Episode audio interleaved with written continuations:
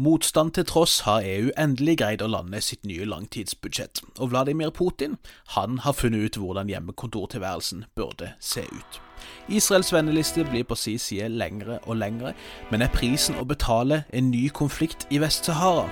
Dette er Hva skjer med verden?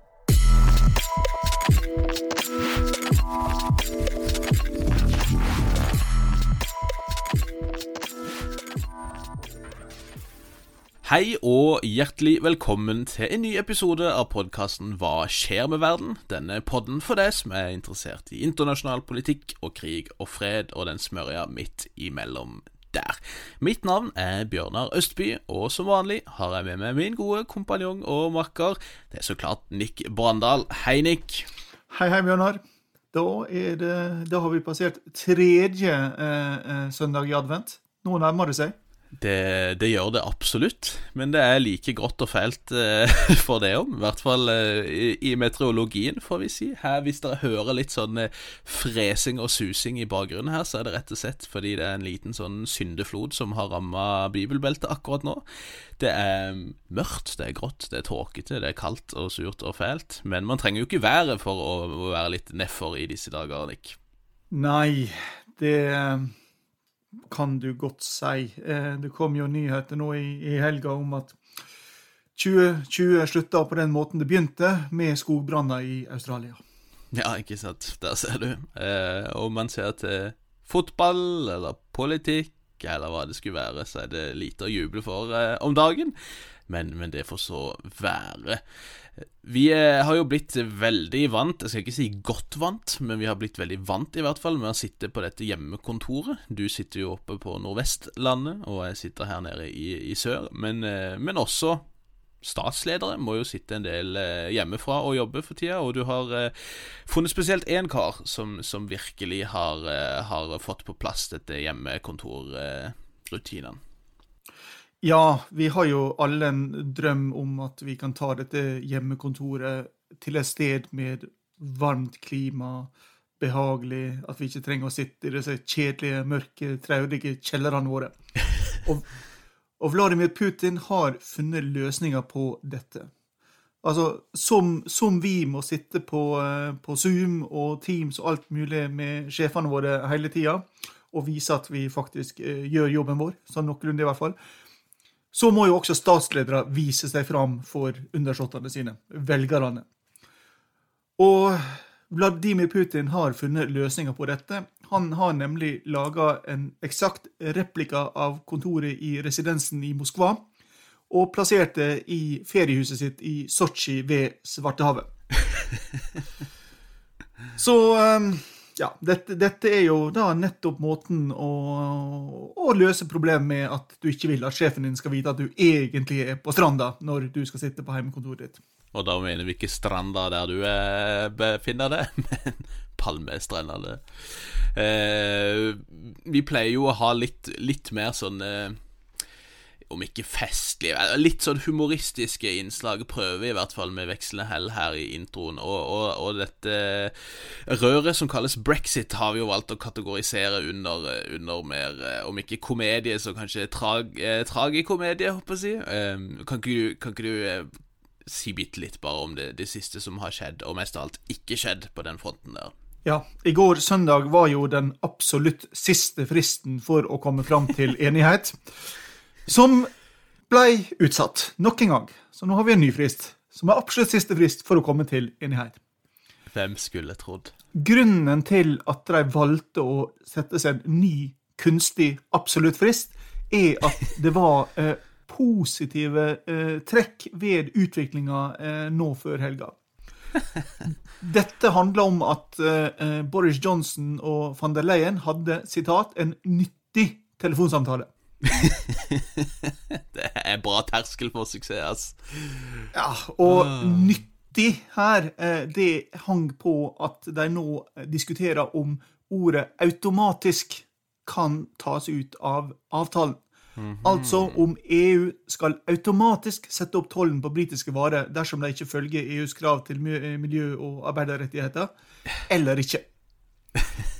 Fordi hvis ordet 'automatisk' forsvinner, så kan Boris Johnson erklære gjeninnføringa av britisk suverenitet og full seier. Rule Britannia!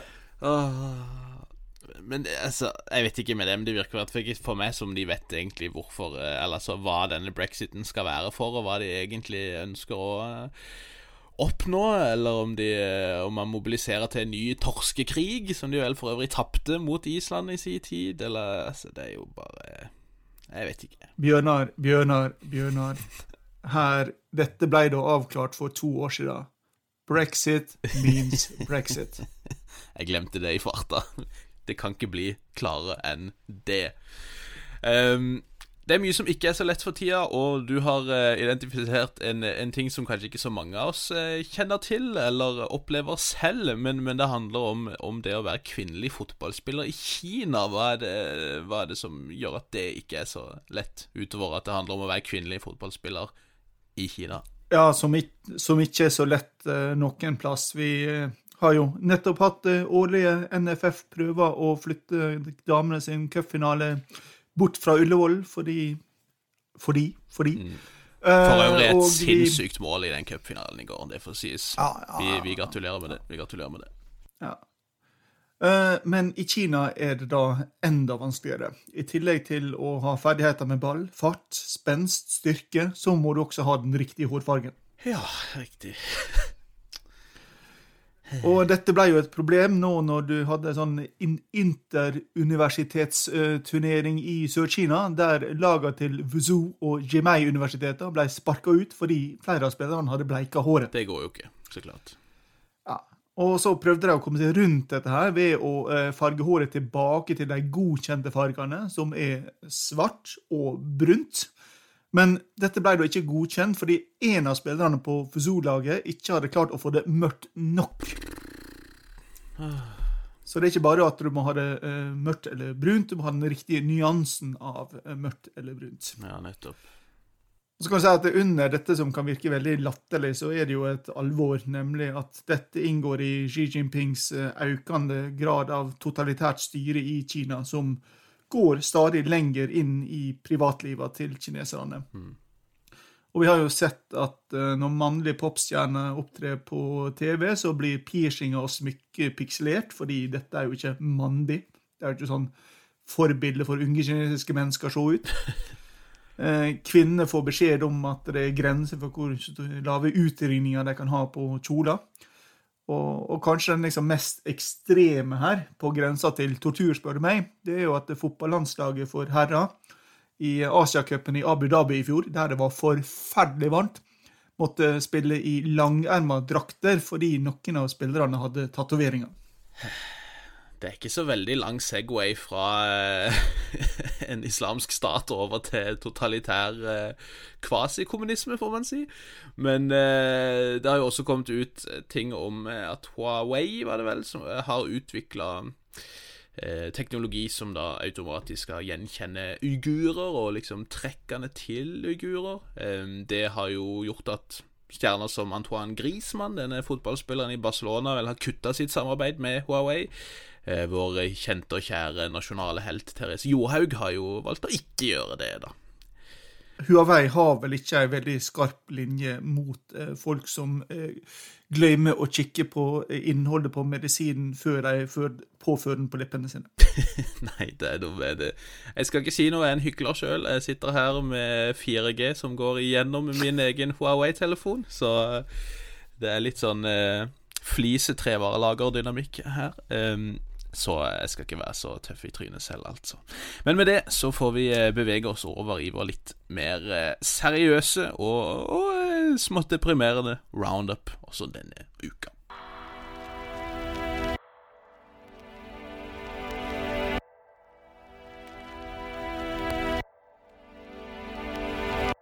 Og da begynner vi i EU-land.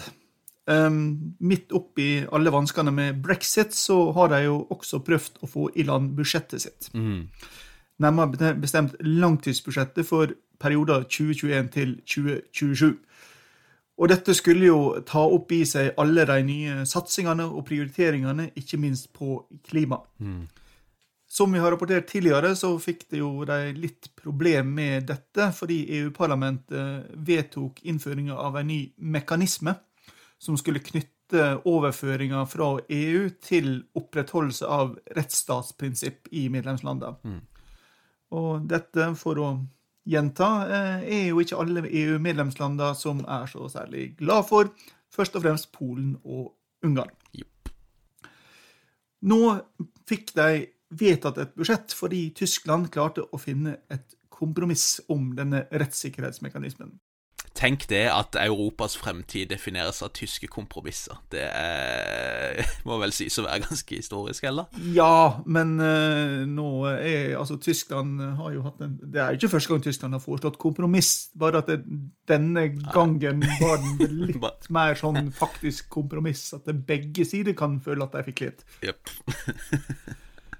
uh, og i kort fortalt så er dette kompromisset at Eh, denne mekanismen vil ikke trå i kraft overfor Polen og Ungarn før de har hatt mulighet til å ta saka si til EU-domstolen. Mm -hmm. Og det har de jo allerede gitt beskjed om at det kommer de til å gjøre. Mm.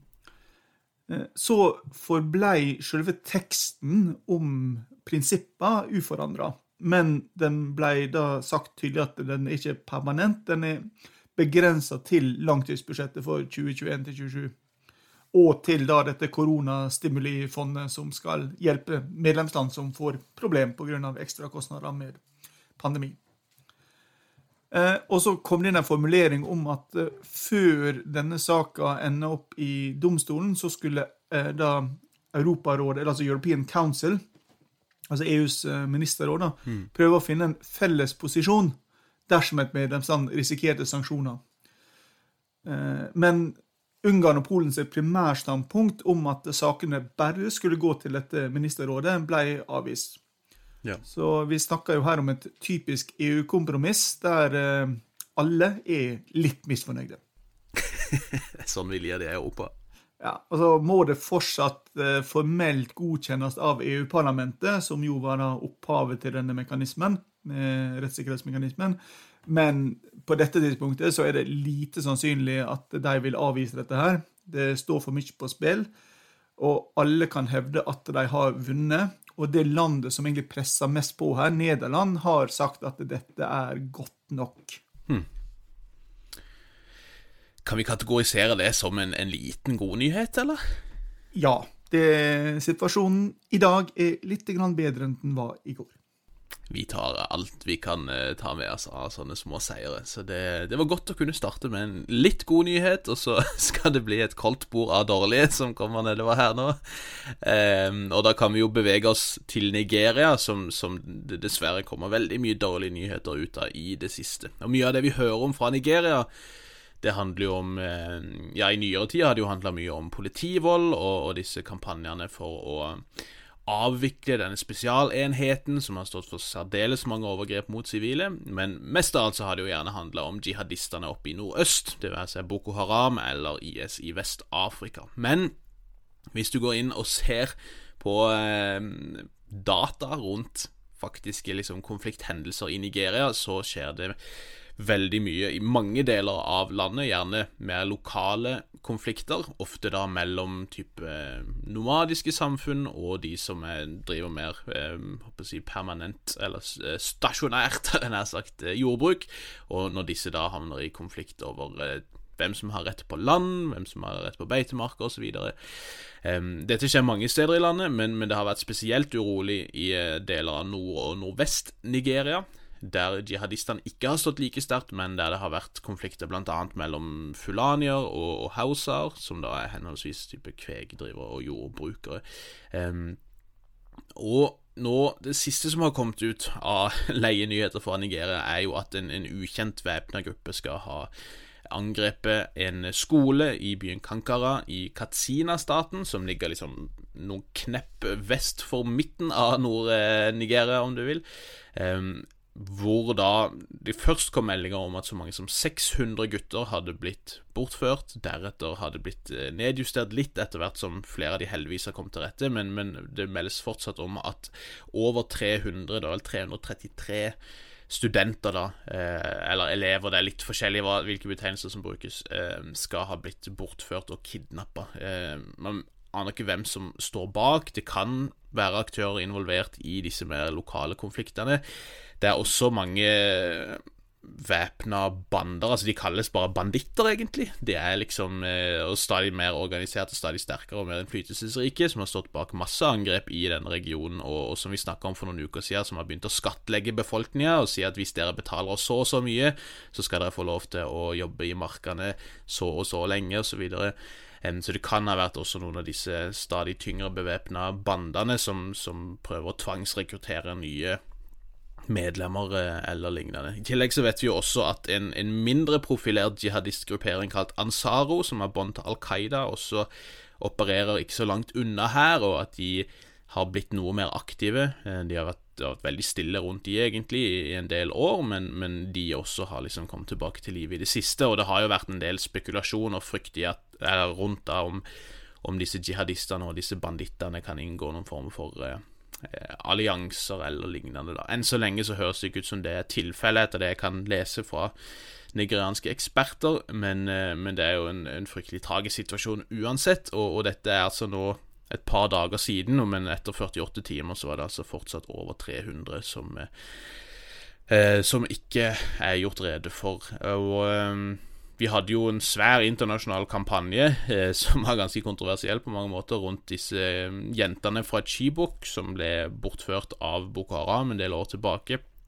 Eh, enn så lenge så har det ikke vært noe internasjonal pressedekning rundt dette, egentlig. Det er stort sett lokale medier og, og områdeeksperter som, som har flagga dette til nå, så jeg tror nok ikke vi skal forvente noen særlig internasjonal kampanje for disse her, dessverre.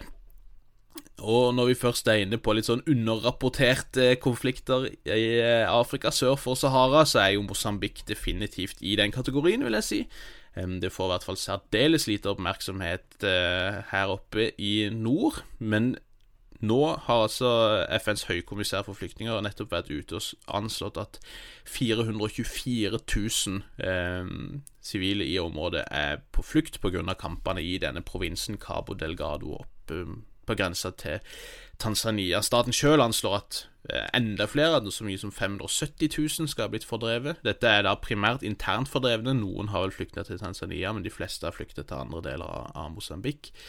Um, så det er nå altså uh, nærmere i hvert fall en halv million internt fordrevne fra denne konflikten, som til nå har kosta over 2000 mennesker livet, ifølge liksom de um, faktisk mer konservative anslag. Og nå har det blitt så bad at faktisk USA har fått det med seg. Det skal litt til for at USA får med seg ting eh, sør for Sahara, hvis det ikke er i liksom eh, veldig viktige strategiske områder. Og eh, det har faktisk kommet ut en melding om at USA også har tilbudt seg å liksom, hvert fall sette eller gjøre disponible noen ressurser da, for denne kampen mot disse jihadistene som lokalt kalles Al Shabaab, som eh, i økende grad kalles for IS' sentral-Afrika-provins, fordi at de har sverga troskap til IS. UNHCR, da, denne høykommissæren for flyktninger, eh, deres talsperson var ute og, og, ba de nabostatene i regionen om å get their act together, om å ta seg sammen mer eller mindre, og, og gripe inn for å få en slutt på dette her før konflikten brer seg ytterligere. Og det, det, har den jo allerede gjort. Vi har jo snakka for noen uker siden om hvordan det har vært nye angrep inn i Tanzania utført av disse jihadistene. Tanzania har starta militære operasjoner. Vi snakka nylig om at Malawi ønsker å gripe inn, og, og i dag, mandag, så eh, skal lederne for Tanzania, Botswana, Zimbabwe, Sør-Afrika og Mosambik møtes i Maputo, i hovedstaden i Mosambik, eh, for å eh, diskutere situasjonen. Så det kan nok tenkes at det vil skje utviklinger der fremover også. Men selv om man har sendt både hærstyrker og diverse private typ sørafrikanske militære selskaper etter dette her, russiske Wagner-grupper har vært inne, så, så har man ikke lykkes med å begrense områdene jihadistene opererer i. Man har i liten grad lykkes med å ta tilbake noen av områdene som jihadistene administrerer. Um, og det har også vært snakk nå om at selv noen av de byene, havnebyen som, som uh, jihadistene kontrollerer, at den er ikke tømt for folk. Og, og det, det ville kanskje vært en god ting, egentlig, om den var tømt for folk, for det hadde antydet at de ikke har særlig gehør eller, eller tillit blant den lokale befolkninga, men, men, eh, det høres ut som det faktisk er, om ikke business as usual, men i hvert fall en del normal sivil aktivitet i områdene som jihadistene administrerer. Det har vi sett i lignende situasjoner i Nigeria, f.eks., eller i, i Sahel mer generelt. Som jo gjerne tyder på at, at eh, selv så brutale og grusomme disse jihadistene er, så, så, lykkes de med å fylle et visst vakuum som staten etterlater seg. De lykkes med å fylle visse statlige funksjoner som folk trenger for å kunne ha et forutsigbar hverdag. Um, så det er ganske ja, dystre nyheter, rett og slett, som kommer ut, uh, ut derfra. Og det er jo fryktelig vanskelig sted å, å drive med ordinære militære operasjoner. Det er tjukk skog og regnskog og vanskelig å komme til, og nå kommer regntida også, som gjør det desto vanskeligere å, å bevege seg, og desto lettere å gjemme seg for, eh, for disse opprørerne. Så ja, det, det, ser ikke spesielt lyst ut, men, men, det blir veldig spennende å se om, eh, om det blir enighet om noen større type eh, regional respons på dette nå denne uka. I forrige uke kom det jo også en ny rapport, nemlig årsrapporten til Journalister uten grenser, som kan melde om at situasjonen for uh, journalister på verdensbasis ikke ser spesielt bra ut. Mm. Uh, vi kan selvfølgelig prøve å lage en positiv sak ut av dette, siden det var to færre som sitter arrestert i år enn i fjor. Men når vi da snakker om en nedgang fra 389 til 387, så mm. er det litt vanskelig. Mm. Og eh, over halvparten av disse sitter fengsla i fem land. Eh, I nedadstigende rekkefølge så er det Kina, Saudi-Arabia, Egypt, Vietnam og Syria. Og vi kan legge til at det er da akkurat nå 54 kidnappa journalister. Fire som har forsvunnet sporløst. Altså En veit ikke hvem som har tatt dem, om de er i live. Mm. Og vi har også hatt en lang rekke, flere hundre kortere arrestasjoner pga. kritisk koronajournalistikk. Og i Hviterussland alene, en sak som vi har vært en del innom, så er det over 370 som journalister som har blitt arrestert i kortere eller lengre perioder. Og så eh, er det jo da fem som har fått dødsstraff pga. journalistisk eh, rekkefølge på verdensbasis i fjor. Mm. Og en av dem ble eh, henretta på lørdag. Det var den 47 år gamle dissidenten og bloggeren Ruolla Sam i eh, Iran. Mm. Som ble tiltalt og dømt til døden for propaganda mot lederskapet og oppfordring til såkalte voldelige protester gjennom nettsida som han drev, Ahmad News. Eh, denne, dette førte jo til at EU avlyste et eh, politisk toppmøte med Iran for å diskutere sanksjoner og handel og, og alt det der. Så um, det sier jo litt om at regimet valgte å gjennomføre dette som de visste ville skape problem med europeerne, som de trenger på sin side for å få atomavtalen tilbake igjen på, på sporet. Mm -hmm.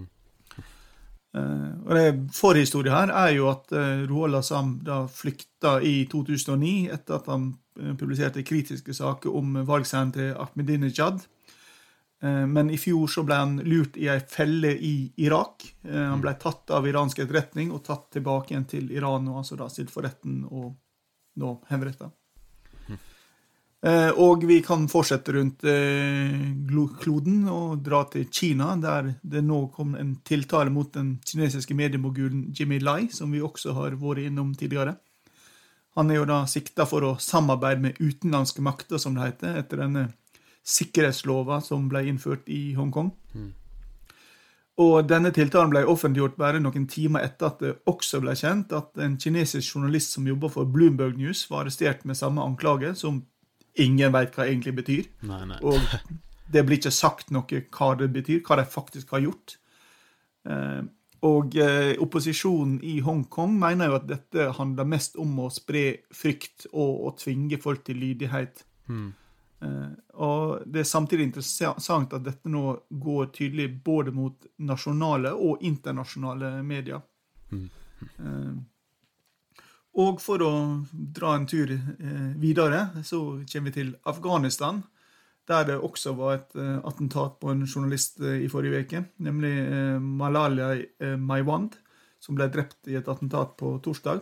Mm. Og Dette er da den tredje profilerte journalisten som er drept bare den siste måneden, og den tiende i 2020.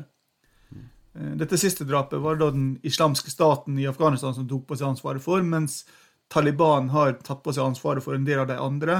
Og noen av dem er det ingen som egentlig vet, og det blir jo da spekulert i at det er det er regimet i Kabul kanskje som står bak, eller som eh, kanskje vil at dette skal skje fordi det kan spisse til situasjonen, og de vil bruke det mot Taliban. Og det er iallfall klart at både drap og trusler mot kjente journalister blir brukt i spillet rundt fredsforhandlingene av alle partene.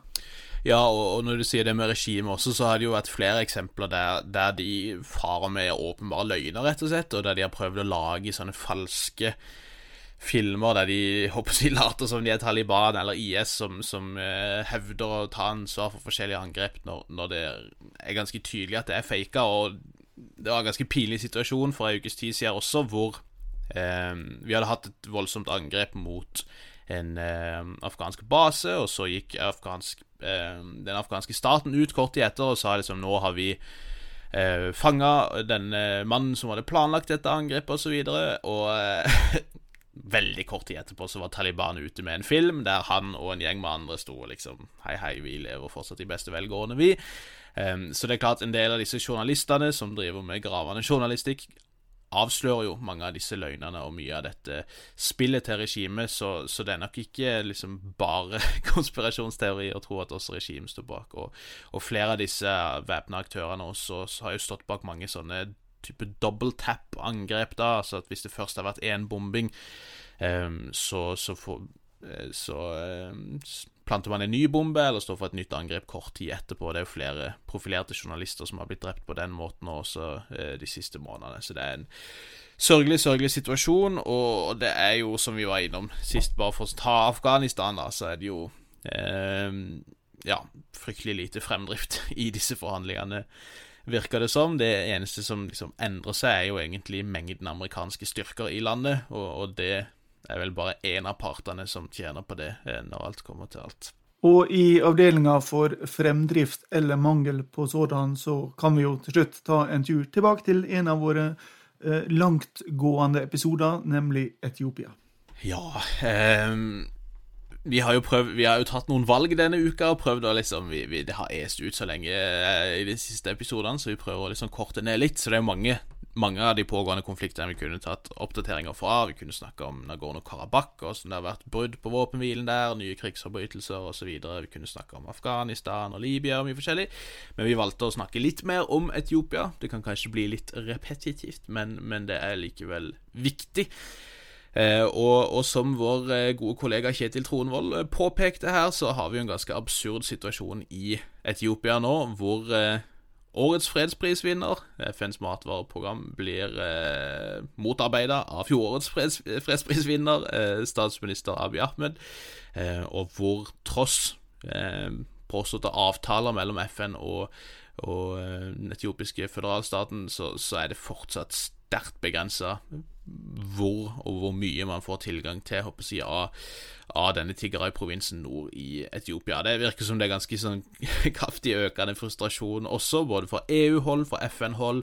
Jan Egeland og, og, og Flyktninghjelpa her til lands har vært ute også og, og uttrykt eh, ja, både sorg og, og, ganske dårlig skjult sinne, håper jeg, over hvor vanskelig det er å få tilgang til eh, flere av disse hardest ramma områdene, og det er spesielt mye frykt rundt eh, eritreiske flyktningleirer, eller leirer for eritreiske flyktninger i eh, Tigay, som man ikke har tilgang til, og der man er veldig redd for, for hvordan det står til, rett og slett, med eh, flyktninger der, og også liksom FNs menneskerettighetssjef, Michelle Er det Bachelet man sier? Bachelet? Jeg vet ikke. Det Bachelet jeg går ut for. Eh, jeg er veldig bekymra over eh, Har vært ute med et statement med eh, ytret bekymring, som FN jo stort sett kan begrense seg til, om masse forskjellige menneskerettighetsbrudd, overgrep, angrep mot sivile og sivile eiendommer, som det meldes om fra Tigray, og som de har liksom troverdige rapporter om fra FN-hold, og også ut, uttrykte bekymring over rapporter om tvangsrekruttering av Tigray-ungdom av føderalstaten for å kjempe mot TPLF og andre i denne Tigray-provinsen. Det er jo fortsatt kjempevanskelig å vite hva som faktisk har skjedd, for det har jo vært en total liksom, nedstengning av både internett og telekommunikasjon og strømnett, for den saks skyld, som gjør at folk ikke får lada sine elektroniske devices som kunne rapportert eller dokumentert ting som skjer. Men, men eh, FN er åpenbart svært bekymra over situasjonen. Det er også eh, Genocide Watch, som har en sånn titrinns eh, stige, kan vi si, fra null til ti, for liksom sånne steg som, som man ofte går gjennom på vei mot et folkemord, og der de for flere uker siden meldte om at Etiopia allerede antageligvis var på steg ni av ti. Um, også The Global Center for the Responsibility to Protect har vært ute og, og uttrykker at de er svært bekymra over situasjonen. Og dette skjer jo, eh, altså disse tingene som skjer nå, skjer jo etter føderalstaten har hevdet at nå er liksom de militære operasjonene over, vi har lyktes det er åpenbart en veldig eh, sterk forenkling av tingenes tilstand. Og eh, det høres ut som det foregår kamper på flere fronter, at det er en mer tradisjonell geriljakrig som, som foregår nå. Og uten at vi skal spekulere for mye i dette med folkemord osv., så, videre, så er det jo flere rapporter, spesielt liksom fra flyktninger som har kommet til Sudan, som er i kontakt med både FNs instanser og med journalister, som, som melder om etniske massakrer da. Eh, vi hadde jo denne der så mye som 600 amharer skal bli drept av en eh, liksom tigraisk ungdomsmilits, og, og likeså så helst om eh, at også amhara-organisasjoner, eh, også sånne såkalte ungdomsorganisasjoner eller militser, skal ha massakrert sivile fra Tigray. Um, og dette kjenner vi jo igjen. Det, jeg må si jeg, det byr meg veldig imot den her typiske greia. Altså, så fort eh, to afrikanere med forskjellig etnisk opphav er i konflikt, så kommer liksom sånn Å, dette kan bli et nytt Rwanda-kort. Men akkurat dette med liksom ungdomsmilitser som går statens ærend, det har vi jo sett nettopp i Rwanda, for så vidt. Og så er det jo også sånn at mange av disse gjerne verste overgrepene fra statlig hold, de skjer i en kontekst av nettopp geriljakrigføring, der staten prøver å slå hardt ned på på dette, og, og, der det ofte kan gå fryktelig hardt utover sivile som anklages for å spioner, eller for å, å um, kollaborere med disse opprørerne. Da. Og i tillegg til alle disse bekymringene over den humanitære situasjonen, så var det jo også en ganske dramatisk eh, hendelse hvor et FN-team faktisk ble beskutt av etiopiske styrker eh, etter de hadde, ifølge etiopiske myndigheter, da passert flere checkpoints uten å stoppe, og, eh, og at de prøvde å komme seg til et område de ikke hadde lov til å dra inn, så de ble beskutt, og det teamet ble faktisk eh, arrestert og, og holdt eh, fanga et par dager før de slapp løs.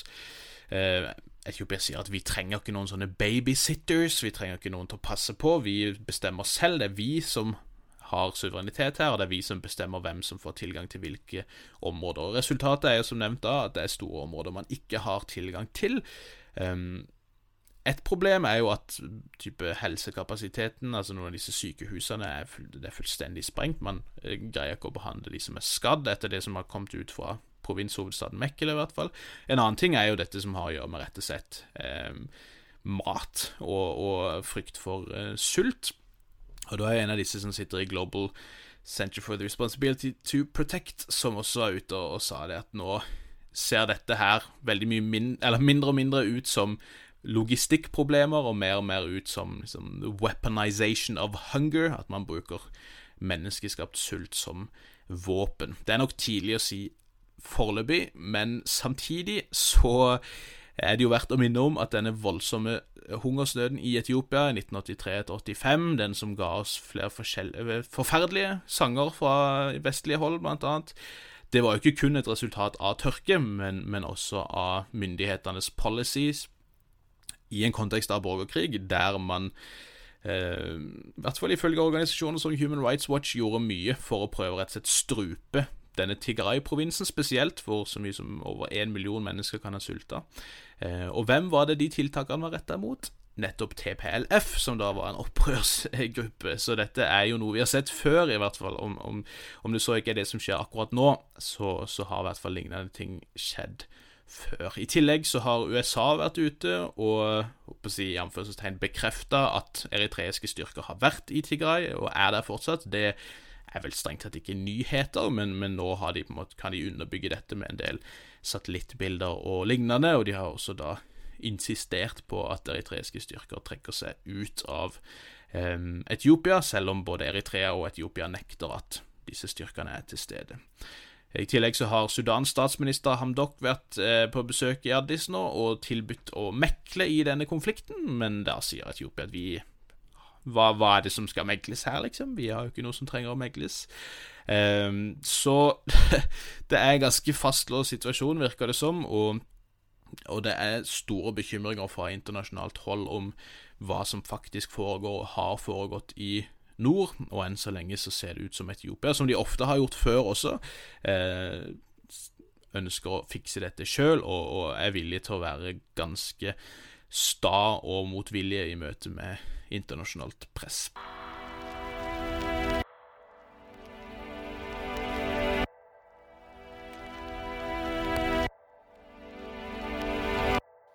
Den enkelt eh, hendelsen eller, eller utviklinga i 2020 som ikke handler om koronapandemi, som nok vil få kanskje de største ringvirkningene framover, er de såkalte Abrahams Accord i Midtøsten. Altså, Trump-administrasjonen vil etterlate seg et ganske annet Midtøsten enn det de begynte med for fire år siden. Og Det siste som skjedde denne veka var jo at nok et eh, arabisk land, nemlig Marokko, eh, nå har eh, begynt å normalisere forholdet sitt til Israel, Bjørnar.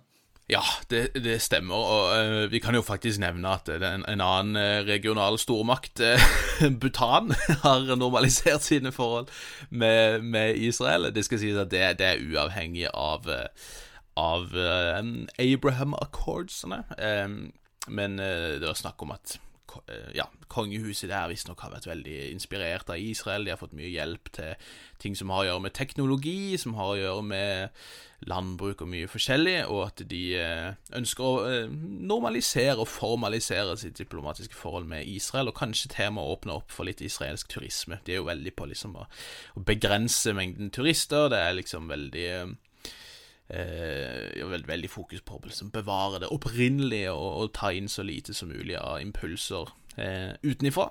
Så vi får jo gratulere Israel og Bhutan med det. Det er nok langt mer betydningsfullt likevel du, du nevner, med at Marokko og Israel nå har eh, normalisert sitt eh, forhold. Eh, vi kan jo starte med på en måte den biten, så er det kanskje en annen del av avtalen som er viktigere, og, og som kan få langt større og særdeles negative konsekvenser, potensielt. Eh, men, men, dette er jo for så vidt da nok et eksempel på en avtale mellom stater som i praksis ikke egentlig har hatt et veldig sånn fiendtlig forhold. Um, det skal sies at det er egentlig en ganske lang historie mellom Marokko og, og Israel, spesielt med tanke på at man har en lang jødisk historie i Marokko før uh, Israels opprettelse i 1948, og det er vel snakk om at mange av jødene som har vært i Marokko, da type har flykta fra, eh, fra, Spania og Portugal back in the days. Marokko har jo prøvd å, å liksom ikke overdrive dette snakket om uh, normalisering av forhold, og påpekt at vi har egentlig hatt et forholdsvis godt forhold lenge, men, men vi har liksom eh, Det har vært mer sånn uformelt. Eh, det har vært litt mer on the down low, men, men forholdet har i og for seg vært nokså godt. Man har hatt en del kontakt, og det har vært en del turisme også, type fra Israel til Marokko. Det er jo snakk om at så mye som en million israelske jøder sporer sitt opphav måte, da, til, eh, til Marokko. Men nå har de altså blitt enige om å formalisere, eller normalisere, sitt diplomatiske forhold. Det skal sies at det foreløpig ikke vel er snakk om opprettelse av ambassader, men sånne liaison offices.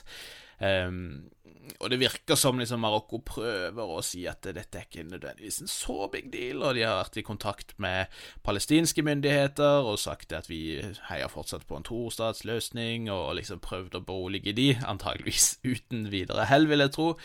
Um, så, så fra marokkansk hold så virker det som man prøver å, å liksom dysse dette ned litt. Eh, samtidig så har jo de fått en eh, kjempepremie av USA, som er den andre delen av avtalen, som er langt mer kontroversiell, nemlig at Trump har gått ut og sagt at USA nå anerkjenner Marokkos suverenitet over Vest-Sahara.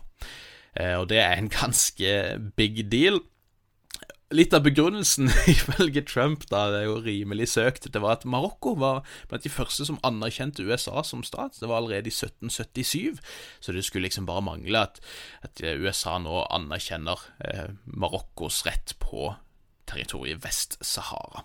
Ja, og den amerikanske ambassadøren i Marokko, David Fisher, har allerede annonsert at han skal høytidelig overrekke kong Mohammed den sjette, er vel, det nye amerikanske kartet der Vest-Sahara ikke er en egen eh, provins, men en integrert del av Marokko. Riktig. ja, og, det, og, dette er så klart eh, Det er jo så klart en del liksom sånne eh, sarkastiske takes og litt sånn Ja, så klart som eh, Marokko anerkjenner Israels okkupasjon av Palestina, og Israel anerkjenner Marokkos okkupasjon av Vest-Sahara, ha-ha, men, men det er ganske dramatisk, for dette går jo egentlig på tvers av alt det som eh, All den internasjonale innsatsen for å prøve å få til en levelig situasjon i, i Vest-Sahara.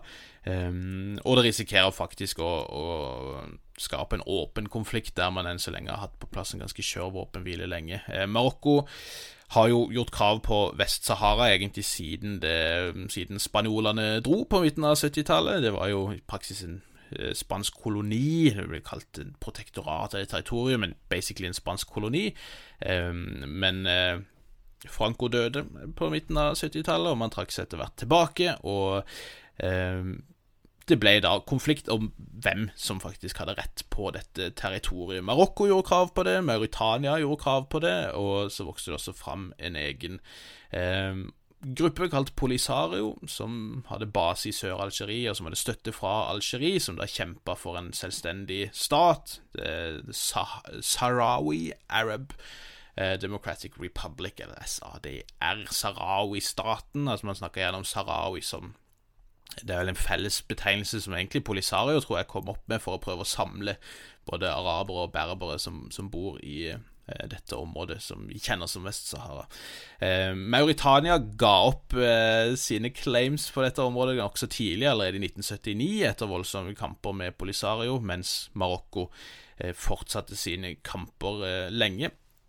Og, og, den krigføringa varte 16-17 år, frem til man med hjelp fra FN fikk fremforhandla en våpenhvile i 1991. Og Avtalen var da at man skulle avholde en folkeavstemning om selvstendighet for Vest-Sahara, og at det var på en måte sånn man endelig skulle, skulle løse denne tvisten, at man måtte ha en politisk løsning, og man skulle holde et referendum da om selvstendighet. Ehm, det har ikke skjedd til nå, mye fordi Marokko har prøvd å blokkere det, så vidt jeg kan forstå, ehm, og det har egentlig stått forholdsvis stille frem til nå, eh, inntil veldig nylig, der man hadde et nytt utbrudd av konflikt, som vi har snakka om, eh, før alt dette skjer, som jo viser at dette er faktisk en, en veldig skjør våpenhvile som allerede har blitt, brukt, blitt, brutt bare for en måneds tid siden.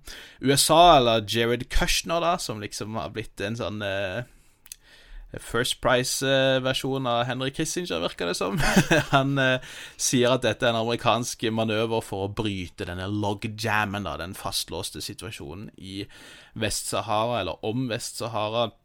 Og det vil jo definitivt gjøre, det vil jo definitivt bryte den fastlåste situasjonen, men så er jo spørsmålet om resultatet heller blir en åpen konflikt, og det er kanskje ikke i noens interesser, for å si det sånn. Nei, altså Foreløpig så har jo eh, USAs anerkjennelse møtt, blitt møtt med uh, støtte fra eh, internasjonale humanitære supermakter som Eswatini, Gabon og Zambia. Ja, nettopp. Jeg tenker vi må se dette også litt mer i denne generelle trenden under Trump, med et USA som eh, eh, som ikke på noen måte er isolasjonistisk, selv om det snakkes mye om det. Det kan vi ta en egen episode med Hilde om, det er liksom hennes kjepphest for tida. Men, men, et USA som i mye økende grad er unilateralt i internasjonale relasjoner, og som gir nokså beng i internasjonalt samarbeid for fred, for den saks skyld. Og i dette tilfellet, da, så har jo USA egentlig lenge prøvd å fremstå upartiske. Det har vært snakk om at de nok egentlig har sympatisert mer med Marokko, men, men at de har prøvd å fremstå nokså upartiske, i hvert fall eh, siden 1991. Men, men, nå har de da falt veldig tungt ned på Marokkos side. Og dette til tross for en rekke at en rekke av de viktigste aktørene på den internasjonale arenaen eh, gang på gang har stått fast at Marokko ikke har rett på dette området, og at Vest-Sahara har rett på selvstendighet. Allerede i 1975 så var denne saken oppe i den internasjonale domstolen, um, som da slo fast, etter å liksom ha gått tilbake i tid og vurdert måte hvem var det som krevde å ha kontroll over dette området før Spania osv., da så de fast at verken Mauritania eller Marokko hadde noe historisk krav på dette området. Tvert imot så hadde befolkninga i Vest-Sahara da eh, rett på selvbestemmelse. Eh, det sa man allerede i 1975, altså idet denne konflikten var i ferd med å vokse frem. Eh, denne Sahrawi-staten ble allerede i 1982 et medlem av Organisasjonen for Afrikas enhet, forløperen til AU. Um, og, og, man skjønner jo ganske godt FNs posisjon også når navnet på freds, uh, den fredsbevarende styrken i Vest-Sahara, MINURSO, da nettopp er United Nations Mission for the Referendum in Western Sahara. Det hele poenget med styrken er å være der og bevare uh, den kjøre våpenhvila for at man skal få avholdt denne avstemninga. Senest i oktober i år så stemte Sikkerhetsrådet for å utvide mandatet til denne fredsbevarende operasjonen med et år, nettopp for å prøve enda mer på å få gjennom denne avstemninga. Så så å si alle som eh, har noe de skulle ha sagt om dette, her, har vært veldig tydelige på at Marokko har en fryktelig dårlig sak, og at folket i eh, Vest-Sahara selv må bestemme, og at de har rett på eh, selvstendighet dersom de ønsker det. Altså, jeg tror I tillegg til uh, unilateralisme, så, så handler jo dette også om det som har vært snakka mye om at Trumps holdning til politikk i generelt og utenrikspolitikk er transaksjonell. Yep. Altså, han har åpenbart noe å tjene på å få eh, Marokko til å anerkjenne Israel, og dermed så kan han forhandle bort, gi eh, da dette spør, i dette spørsmålet om eh, suverenitet over Vest-Sahara. Og da er det uviktig for han at dette skaper eh, aldri så lite geopolitisk problem i regionen, med risiko for å komme med en lang, skape en lang rekke nye konflikter. Mm. Og Dette var jo poenget i din kronikk i VG for noen uker tilbake. igjen. Nettopp at det som kan se ut som eh, fredsavtaler, i virkeligheten er, skaper alt annet enn fred. Ja, det er nettopp det. Og, og samtidig så tror jeg det er en litt sånn holdning òg til Trump har nok kanskje innsett også at det er ikke hans mess å fikse opp i på sikt heller, og hvis han kan skape mer hodepine for Biden, så er ikke det en negativ ting nødvendigvis. Men altså, for å si det sånn, selv John Bolton Det er få som har mer lyst på konflikter og kriger enn John Bolton, virker det som, men selv han mente at dette var en fryktelig dårlig idé å falle så tungt ned på, på Marokkos side her. Og dette skjer jo i en kontekst for det første der våpenhvilen allerede har blitt brutt for bare noen uker siden, og Polisario har sagt at, at den ikke lenger gjelder. Eh, for det andre så skjer det jo i en region der en rekke forskjellige Eh, jihadistorganisasjoner opererer. Det er enorme områder som det er veldig vanskelig å ha kontroll over, og det har jo lenge vært frykt for at liksom at jihadister skal gjøre et større inntog i Vest-Sahara. De har vært aktive i både Algerie og i Mauritania og i Sahel-beltet lenger sør. Og vi har jo sett når det har vært eh, politiske kriser eller uro i land som Mali f.eks., hvor raskt disse jihadistene faktisk kan mobilisere og ta kontroll over store områder. Så det er Altså, Hvis vi ser bort fra bare den bare en konflikt mellom Polisario og Marokko på ny, så, så, er det også mange andre aktører som, som eh, gjerne fyller inn eventuelle vakuum der de skulle oppstå. Og eh, ja, ikke så overraskende kanskje, FN-representanten til Polisario har jo vært ute og sagt at dette viser bare hvordan Marokko er villig til å selge sjela si, altså anerkjenne Israel for å opprettholde sin uh, ulovlige okkupasjon. Uh, når det gjelder dette transaksjonelle, så ser vi også noe vi har sett i de andre avtalene, nemlig at det kommer noen våpendeals. Uh, I tillegg også. Så nå er det jo allerede snakk om at Marokko er i ferd med å kjøpe fire veldig avanserte droner, langdistansedroner som kan fly tusenvis av kilometer, og som gjerne da kan brukes for å overvåke sjøen rundt Marokko, for så vidt. og akkurat det samme så vi for så vidt også med dealen med Eh, de forente arabiske emirater, der det også der ganske fort kom på plass noen eh, våpenavtaler. Så det virker som Trump er villig til å gjøre så å si hva som helst for Israel og, og for uh, å selge litt uh, våpen, uten at det er så nøye hvilke konsekvenser det får på, på bakken. Så blir det jo veldig spennende å se responsen innad i Marokko på dette her. Det er nok en stor seier, det at man faktisk uh, får lov til USA å ta Vest-Sahara, samtidig som det neppe er kjempepopulært at man normaliserer forholdet med Israel.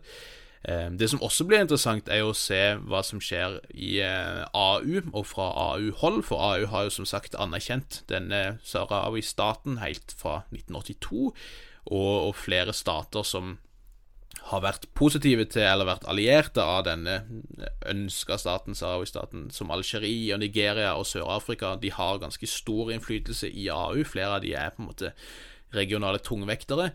Så, så det blir fryktelig spennende å se også hvordan disse statene og AU mer generelt velger å posisjonere seg i dette. da.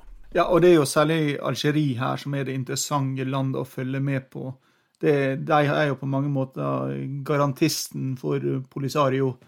Og mm. eh, foreløpige reaksjoner har jo vært ekstremt negative. Og hvis dette blusser opp til å bli ei større konflikt, så risikerer man at Marokko og Algerie blir trukket inn i en større krig. Ja, og det virker liksom så lite hensiktsmessig fra amerikansk hold også, i og med at det er mye som tyder på at de, de jobber ganske tett med Algerie også, for å prøve å bygge en allianse der, som man risikerer å, å eh, kaste på sjøen og rett og slett. Ja, og ikke bare det, men Vest-Sahara har faktisk en ganske tung lobby eh, i amerikansk politikk. Det, og dette det, det, er ikke så ofte du ser såkalt bipartisan-samarbeid eh, i Washington for men du fikk det faktisk denne helga her, når både, både James Inhoff, som er en ganske Trump-vennlig, ganske så konservativ eh, republikaner, og en lang rekke demokrater gikk ut og fordømte eh, det Trump nå har gjort. Mm. Og det har de gjort før også, med kurderne i Syria, etter Trump mm. lot Tyrkia druse inn der. Men, men, selv det har ikke liksom eh, Selv bipartisansk motstand har ikke stoppa Trump i det hele tatt. Eh, og så er det jo Det er jo litt snakk også om liksom, Kan dette kanskje være en manøver for å, å lokke Saudi-Arabia enda nærmere en en normalisering av forholdet med, med Israel, i og med at Marokko og Saudi-Arabia står tett, både liksom politisk, kongehusene osv. Så, um, så det kan jo tenkes at det er litt av grunnen også, men uh, det blir veldig spennende å se. Nå har de ikke mange ukene igjen hvis de skal få på plass en avtale med Saudi-Arabia også. Uh, eller hvis de har lyst til å eskalere ytterligere med Iran, for den saks skyld. De har jo sendt noen nye B-52-flyvninger rundt i, uh, i, Gulfen i det siste for å skremme litt, selv om neppe noen blir veldig skremt av det, skal sies. Men hvis vi skal, skal, avslutte dette her på en litt lettere tone, så, så kan vi kanskje sende en liten uh, oppfordring til Erna Solberg om at dette kan være vår mulighet også. Definitivt. Og vi ser jo det nå at eh, hvis du skal prøve å eh, ta noen områder som du lenge har gjort krav på, eh, så er det tida for det. Altså om det er Tyrkia som prøver å innta kurdiske områder, om det er Aserbajdsjan som vil ta tilbake Nagorno-Karabakh, om det er Marokko med Vest-Sahara, vi kunne nevnt flere eksempler, så, så slipper du unna med det nå, hvis du vil. Og vi har jo eh, tenkt mye på dette, Nick, om at nå er det på tide å gjøre Norge greit igjen. Og eh, vi har jo en ganske lang smørbrødliste, egentlig, med områder som vi mener at det er på tide å, å ta kontroll over igjen. Ja, vi kan jo begynne med det åpenbare. Jämtland, Herjedalen, mm. Halland, Blekinge. Og så går vi vestover derifra. Ja. Eh, Grønland, Island, Shetland, Færøyene, Man. Har vi glemt noe nå? Orkenøyene. Orknøyene. Jeg syns vi skal prøve oss på Newfoundland eller Labradorse, altså. Ja, York, Dublin, uh, Cheshire ja, Hele Nord-Skottland, egentlig. Ja, i praksis. Ja, ja, ja. Knut den stores rike pluss pluss, tenker jeg vi må sikte på. Vi har et vindu på én måned for å gjenopprette Norgesveldet. Ja, så Erna, hvis du hører på, få, eh, få gang nå, mens du fortsatt kan. Og med det så uh, tror jeg vi bør uh, for alles beste gå inn for landing, Nick. Uh, vi, vi, tenker jo å ta en liten juleferie, men vi, vi, kommer tilbake med en episode neste uke, i hvert fall. Eh, der vi kanskje også kan prøve å eh, reflektere litt over eh, året som gikk, og hvilke spådommer vi bomma fullstendig med, og hvor vi, hvor vi eventuelt traff litt bedre. Høres det ut som en plan? Ja. Det er gode greier. Vi får si tusen takk for følget nok en gang, og, og følg oss gjerne der dere laster ned podkast. Alle episodene våre ligger også ute på hvaskjermedverden.no.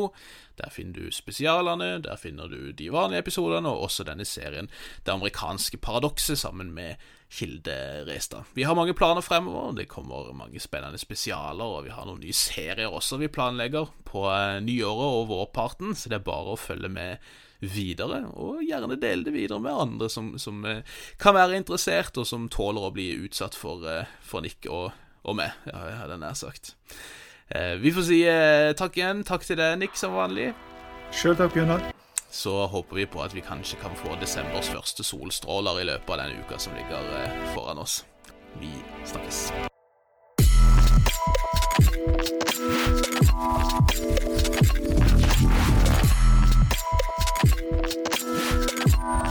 Network.